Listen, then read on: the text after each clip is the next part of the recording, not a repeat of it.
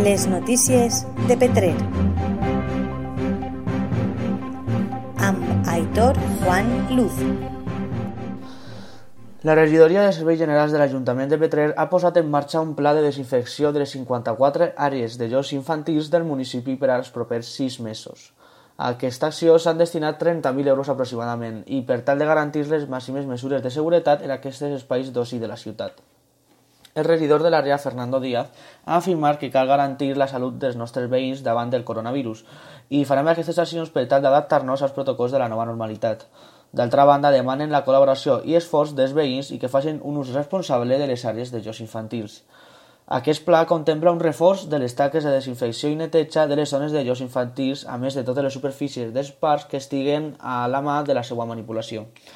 Per acabar, fan arribar a la població l'avís de la desinfecció es durà a terme en horari de 7 a 11 del matí, temps durant els quals les zones infantils estaran tancades a l'ús.